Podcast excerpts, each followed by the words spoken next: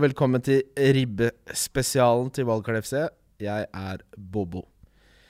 Det er med ribbe som det meste andre er i livet. Gi det litt ekstra tid og kjærlighet, og resultatet blir så uendelig mye bedre. Ekstremt saftig kjøtt og svor så porøs at selv de tannløse blant oss kan nyte den. Dette er verdens beste ribbe. Det viktigste du gjør, er å velge et stykke ribbe fra en gris som har hatt det godt. Ring din lokale menybutikk og si du vil ha en ribbe som de kan garantere for at har levd fint, blitt behandla som en god gris. En annen ting som er viktig, er at du tar deg god tid. Dette er ikke noe tretimersoperasjon med svor opp og svor ned og tjo og hei. Her skal du starte når du starter på jobb. Du starter klokka åtte eller klokka ni.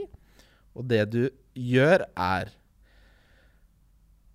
21.12. så må du gni inn ribba med rause mengder salt og grovkverna pepper. Du må få det inn i alle kriker og kroker, og særlig godt inn i svoren.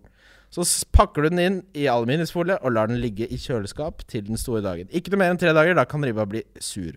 Hvis du tar utgangspunkt i at ribba skal på bordet klokka 17.30, så må du begynne klokka 8. Da sitter du ovnen på over undervarme, 180 grader, ikke varmluft.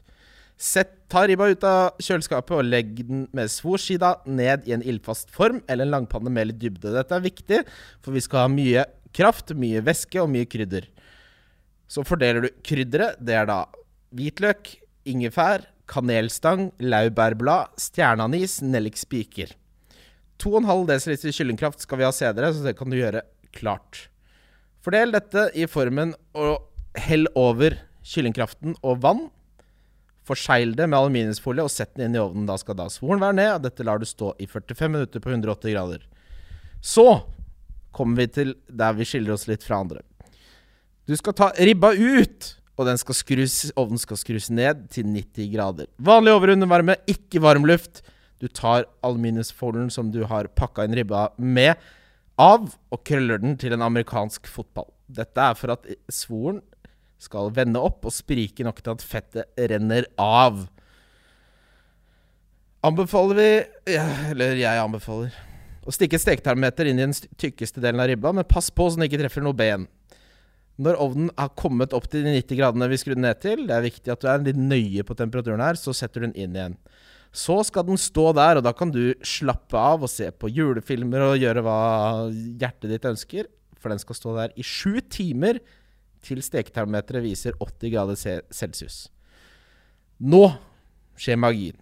Du skrur varmen opp til 275 grader, og så tar du deg en liten benk, og så setter du deg foran ovnen. For nå blir svoren som inntil få minutter siden så helt katastrofe ut, popper. Det, altså, det lager Det smeller til luftig baconsmor inni ovnen. Etter 20 minutters tid så har du en perfekt ribbe med svor fra et hittil ukjent griseparadis. Hvis du sliter, og det skal du ikke gjøre hvis du følger dette slavisk Jeg kommer til å legge ut step by step også for de som ikke har den.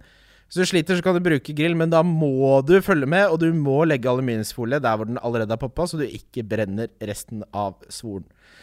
Så skal den hvile i 45 minutter. Ja, den skal hvile så lenge, for det er så mye fett at den blir ikke kald. Fett holder mye bedre på varmen enn alt annet, og den må få hvile ordentlig. Ikke dekk til svoren, da blir den ødelagt. Det du har nå, er den beste ribba noen du kjenner og noen i familien din noensinne har smakt. Steg to er å lage gravy. Du finhakker sjalottløk, steker det i hvitseidsmør til det blir litt brunt. Så tar du oppi mel og visper godt, så du har en roux, eller en jevning. Så tilsetter du kraften, lar det koke litt inn, og så tar du i kremfløte til du har ønsket farge og konsistens.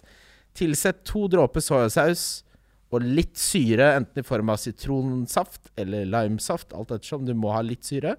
Jeg foretrekker å ta tyttebærsyltetøy og en god skive gudbrandsdalost for å få syren min derfra. Hvis du vil virkelig dra på, så tar du på litt rørosrømme rett før du serverer. God jul. God fornøyelse.